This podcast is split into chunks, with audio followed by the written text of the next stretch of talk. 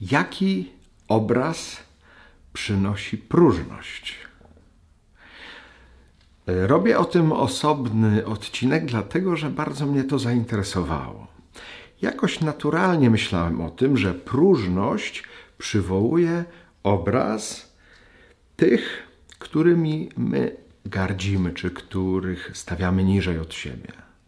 Ale Wagriusz mówi o czymś innym. Mówi, próżność podsuwa obraz tych, którzy nami gardzą. I wydaje mi się to bardzo odkrywcze. Zobaczmy, przyjrzyjmy się e, naszym obrazom, które wywołuje próżność w nas. Jeżeli jesteśmy próżni, jesteśmy pyszni, to e, jaki obraz nam przychodzi? Czy tych, których stawiamy niżej od siebie, czy może tych, którymi, którzy nami gardzą, przepraszam którzy nas stawiają niżej od siebie.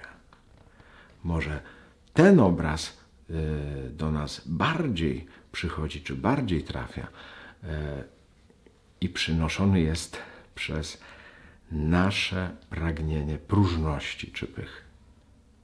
Przyjrzyjmy się temu, bo to może być bardzo ważne odkrycie w życiu duchowym.